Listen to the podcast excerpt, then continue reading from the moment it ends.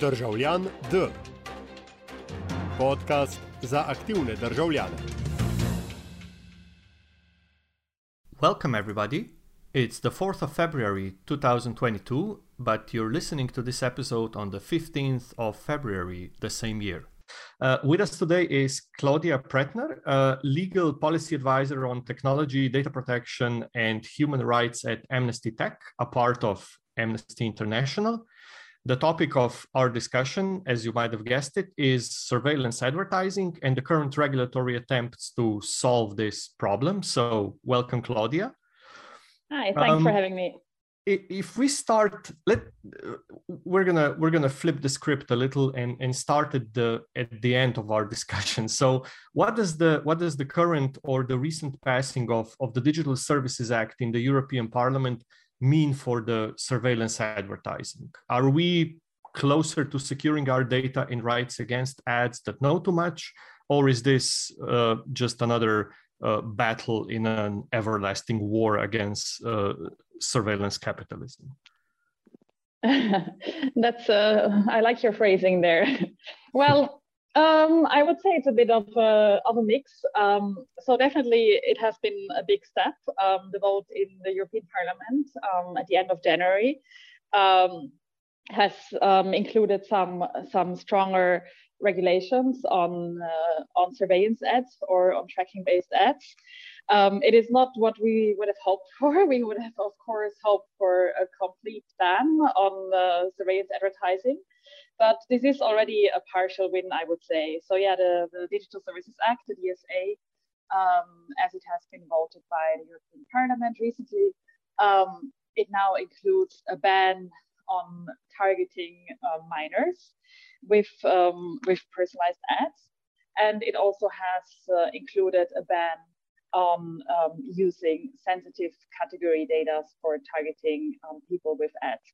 So sensitive category data would be, for instance, um, a person's um, data concerning their health, a person's sexual orientation, their political views, their ethnic origin, and so on.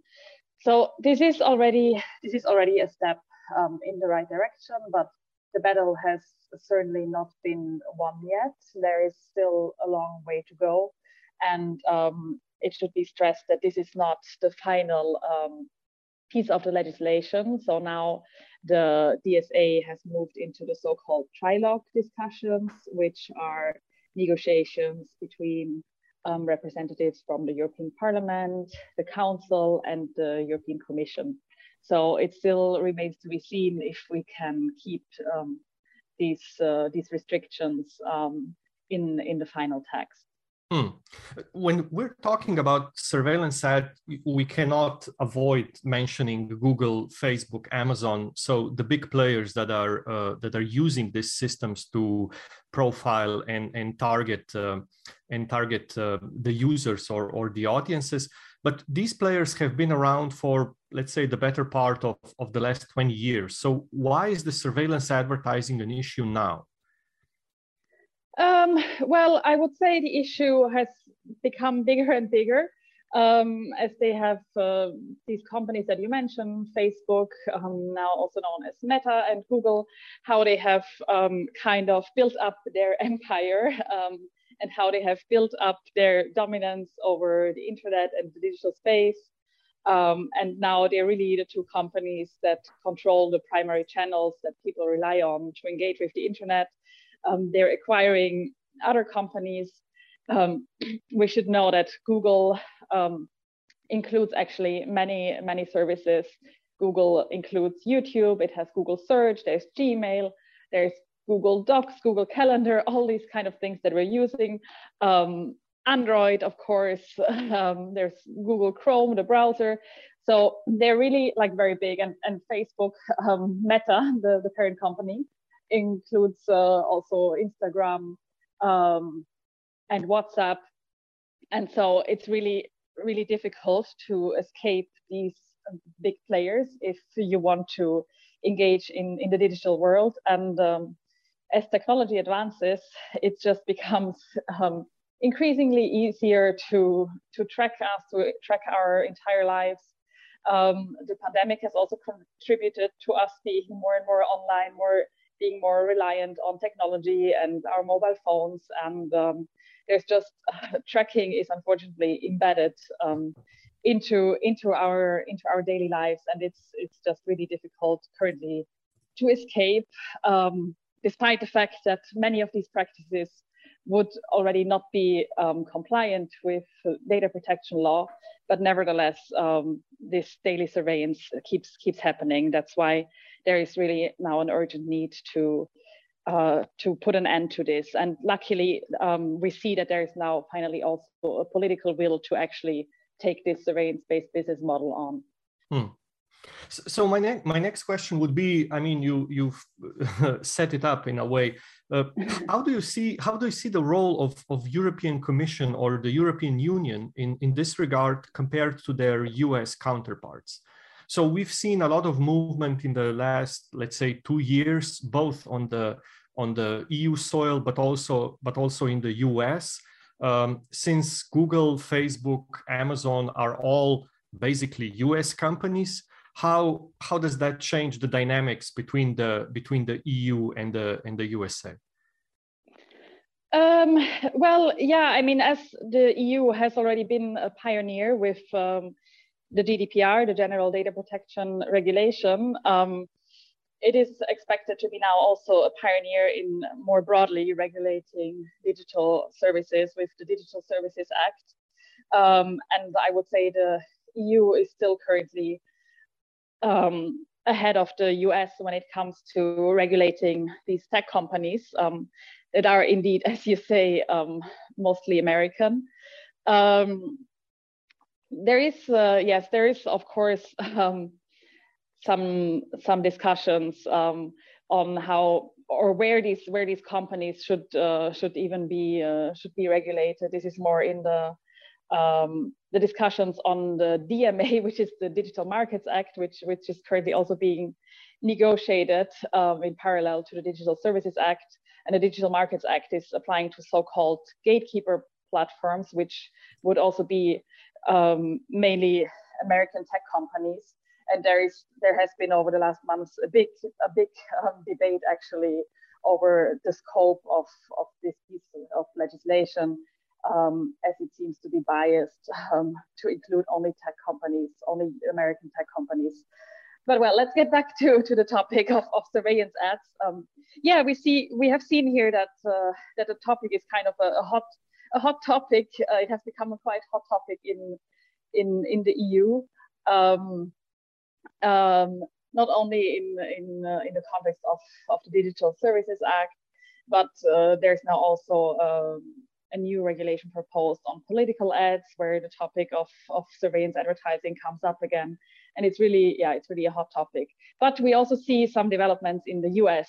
Um, where recently a bill uh, for a ban on surveillance ads has been introduced, um, which if it were to succeed would um, really, really be a very, very far-reaching and, and strict law, which would basically um, prohibit all kinds of surveillance advertising and would would only allow advertising based on the context and based on some broad geographic um, um, determinants. But it's it seems that it's not very likely that this bill will um, succeed.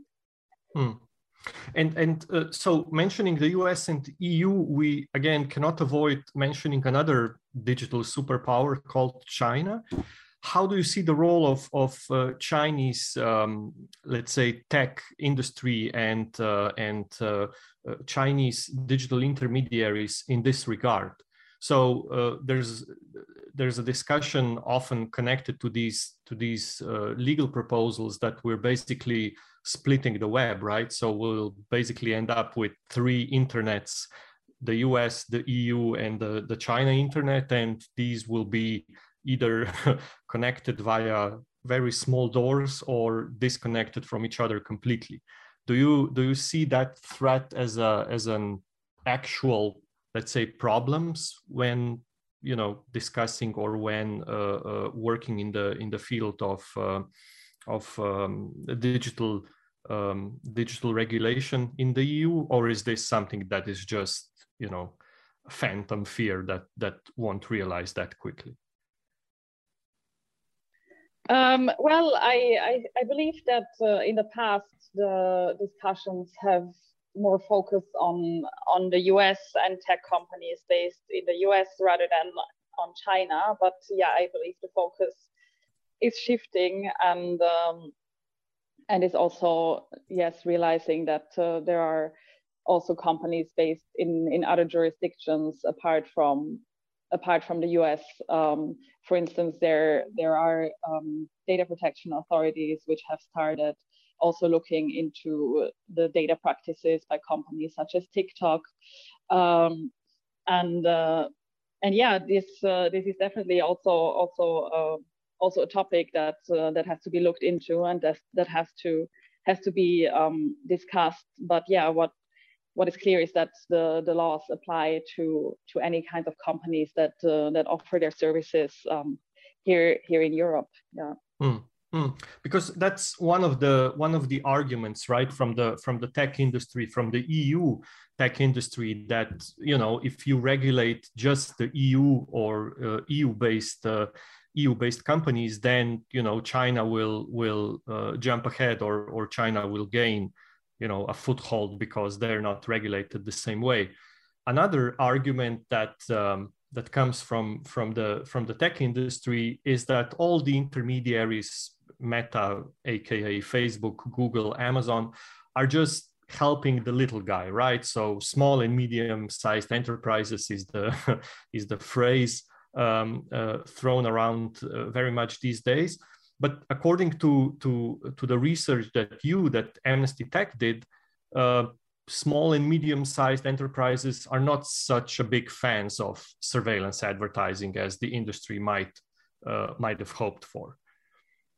Yes, that's uh, yes, that's a very good point that uh, that you mentioned, and I'm happy to hear that you're aware of our recent research. um, yeah, we were, um, yeah, which we thought was was quite successful because um, this uh, survey that we commissioned um, together with Global Witness really showed that even SMEs don't want surveillance advertising. So yeah, as you mentioned, um, big big tech companies often claim that small businesses are actually happy with being able to use their services to reach new customers and they're that they're actually happy with the with the so with the current um, advertising model the, the surveillance advertising model. Of course these companies would never call it surveillance advertising. They just talk about personalized ads but they basically claim that they're there for the little guy. Um, but now our survey has really found and shown that um, that SMEs are really not happy um, with uh, with uh, the, the tracking-based advertising model of companies such as Google and Facebook. And actually, an overwhelming majority of uh, the, the surveyed people, so the surveyed people, they were SME leaders, um, they found, um, they thought that tracking-based ads undermine people's right to privacy and other human rights. So this was said by 75% of the people surveyed and uh, even more of the even more of the people surveyed, 79% thought that uh, big tech companies such as Facebook and Google should actually be regulated more strictly when it comes to the way that they use personal data to target ads to people. And it, we also found that SMEs actually only advertise with them because they have no other choice. So our, our survey results were really very clear um, that that SMEs just rely on, on these big tech platforms as they have no other choice and they actually would like to see stricter stricter regulation. Mm. Another uh, industry's argument uh, that uh, that we keep uh, hearing about is is that these matters so privacy and and digital rights are already in a way sufficiently regulated. We have the cookie directive we have the gdpr we have other legal frameworks already in place.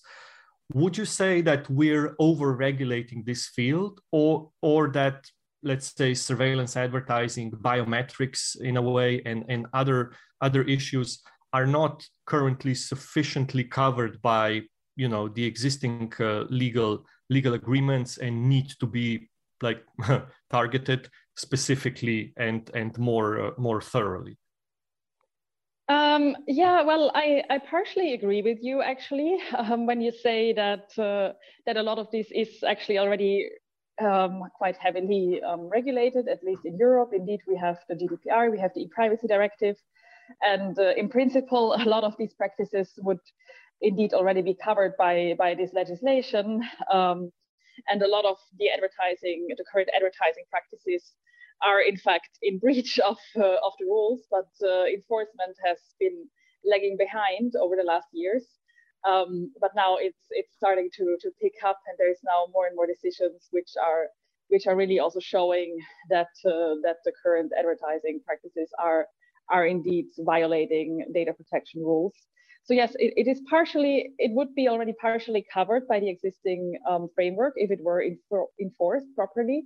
But on the other hand, um, the harms of, of this advertising model, they actually go beyond just privacy and data protection um, because um, they also touch upon uh, other fundamental rights um, as these advertising practices can actually lead to discrimination and to manipulation of people. And uh, these are not things uh, specifically only limited to data protection and privacy. So so yes, I, I do believe that there is the need for for for rules that actually go beyond just um, protecting people's privacy. Mm. And if we judge from the way uh, the Digital Services Act was discussed or debated uh, before it passed in the European European Parliament, what does that tell us about um, about survival rate, his survival rate uh, through through the tri- trialogue? do you think that uh, in the end we'll we'll get something that uh, that will you know make an impact in this field or will it uh, will it again be you know a mixed bag where nobody's happy yet nobody's entirely disappointed um, about the about the procedures um, yeah i'm i'm quite realistic and i i do believe that the chances um, the chances are maybe not so high that uh, something will end up being included in the final text and will survive the trilogues. Um, because first of all, um, there was no no ban or, or restrictions on tracking-based ads in the original Commission proposal. Um, so the European Commission will argue that this was actually not foreseen to be included in, in, in this piece of legislation. Um, and the council, we don't really know exactly the position of the member states. They're probably divided. Some might want to have a ban or restrictions in there, others might not. Um, we only know the European Parliament is, is in favor of having these, these restrictions, but the other institutions might might not be so much in favor of it. So yeah, I I think it remains to be seen. Um, but even if even if these restrictions don't survive the trilogues. I don't see this as the end. I actually would rather see this as the beginning um, because now we really have started uh, the ball rolling. Um, and now there's really a lot more public awareness than there has been like one or two years ago. And now there's really, yeah, there's a public debate about the harms of this business model and these intrusive advertising practices. Um, actually, there is also um, a study currently going on um, by the European Commission on the impact of the edtech industry on privacy and on other issues. So even if it's not gonna end up in the DSA, I do think there could be the chance that there that there would be a specific regulation on on online advertising. Hmm. And and if I can if I can touch on on a local matter related to this issue, so the DSA passed during the Slovenian EU Council presidency, and uh, I would love to to hear um, some of your remarks about the the way Slovenia behaved, or did, did Slovenia did good in in the terms of of digital rights um, during during our presidency of the of the EU Council.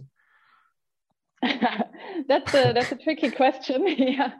Um, well, I, I don't think they really um, they really advanced the file a lot. I mean, they they uh, reached the the general approach in, in November last year, which is pretty fast for um, for EU regulation. So I do think they were quite uh, quite good and well equipped to to advance the file. Um, um, what I did notice was that the the position of the council often did not um, diverge very much from the original commission proposal. So I uh, yeah I was wondering whether that was also a kind of a strategy not to show um, not to show their cards um, for the trilogue phase. So yeah, it, it, it remains to be seen what what is going to happen now during trilogues and and the timeline of the trilogues actually is also very very ambitious. Um, they're planning to finalize them in April, so this mm. is is all yeah it's all very moving very fast. Mm. Why do you think that is? Why is this uh, being rushed through through the procedure? So, I mean, yeah, why is it being rushed? Mm, well, I can only speculate. I guess there's there's sure. a number a number of different reasons. Well, first of all, they um, what the the politicians and lawmakers say is that they they want this file to be concluded under under the French presidency, um, which ends in, in June of this year. Um, there might be also some external factors contributing. I mean, there's really also an urgent need for, for tech regulation. Um, and there is also like one scandal after the other. There have been um, the Facebook files uh, that have been revealed by the whistleblower the last year. Um, I, I, yeah, I believe it's also that this is also a contributing factor, just the, the fact that there is basically now a lack of regulation where for, for issues that, that really need regulation. And, and I do think the, the commission and, and other lawmakers see this, this file also really as a priority. Hmm. Hmm. And and one more final question or, or final topic before we before we sign off. How do you see the role of let's say EU government or EU member state governments in connection or in dialogue with, with the big tech industry. So what's the what's the position Amnesty Tech or, or you personally would love to see when you know analyzing uh, analyzing acts of let's say ministries or, or governments when they're discussing or or that when they're talking with uh, with big tech representatives the reason I'm asking this is because of our tech minister or minister for for uh, digital digital revolution without the without the portfolio. He seems to be more of a fan of a of a big tech industry than than the people, basically, so to speak. Um, not only through his uh, employment history, but also through uh, through uh, his activities as as a as a minister and I just want to hear your thoughts on the matter. So, how do we, the people, uh, make our political representatives actually represent our our interests or our our mm, yeah our interests and not playing too much into the into the hand of of the big tech industry? Hmm, yeah, good good question. Um, it is uh, yeah tricky. I think I've said tricky a lot in, in our conversation, uh, but all your questions are tricky. Um, um, yeah, th this is one one of the biggest uh, biggest issues um, actually that uh, that these companies have so much lobby power and um, they they're putting millions, if not billions, of, of dollars um, into lobbying. Yeah, I speak of dollars now because they are maybe the the American tech companies. Um, but uh, yeah, this this is is one of our biggest problems that we face. That unfortunately, often politicians um, listen more to to companies and now here specifically the tech lobby rather than to to civil society. Um, I do have some hopes, however, because now we have seen in in the text as voted by the European Parliament that uh, for one time they did not listen to the tech lobby and they did actually include some some more restrictions and they did listen to civil society and uh, and our concerns about uh, how all of this impacts on fundamental rights.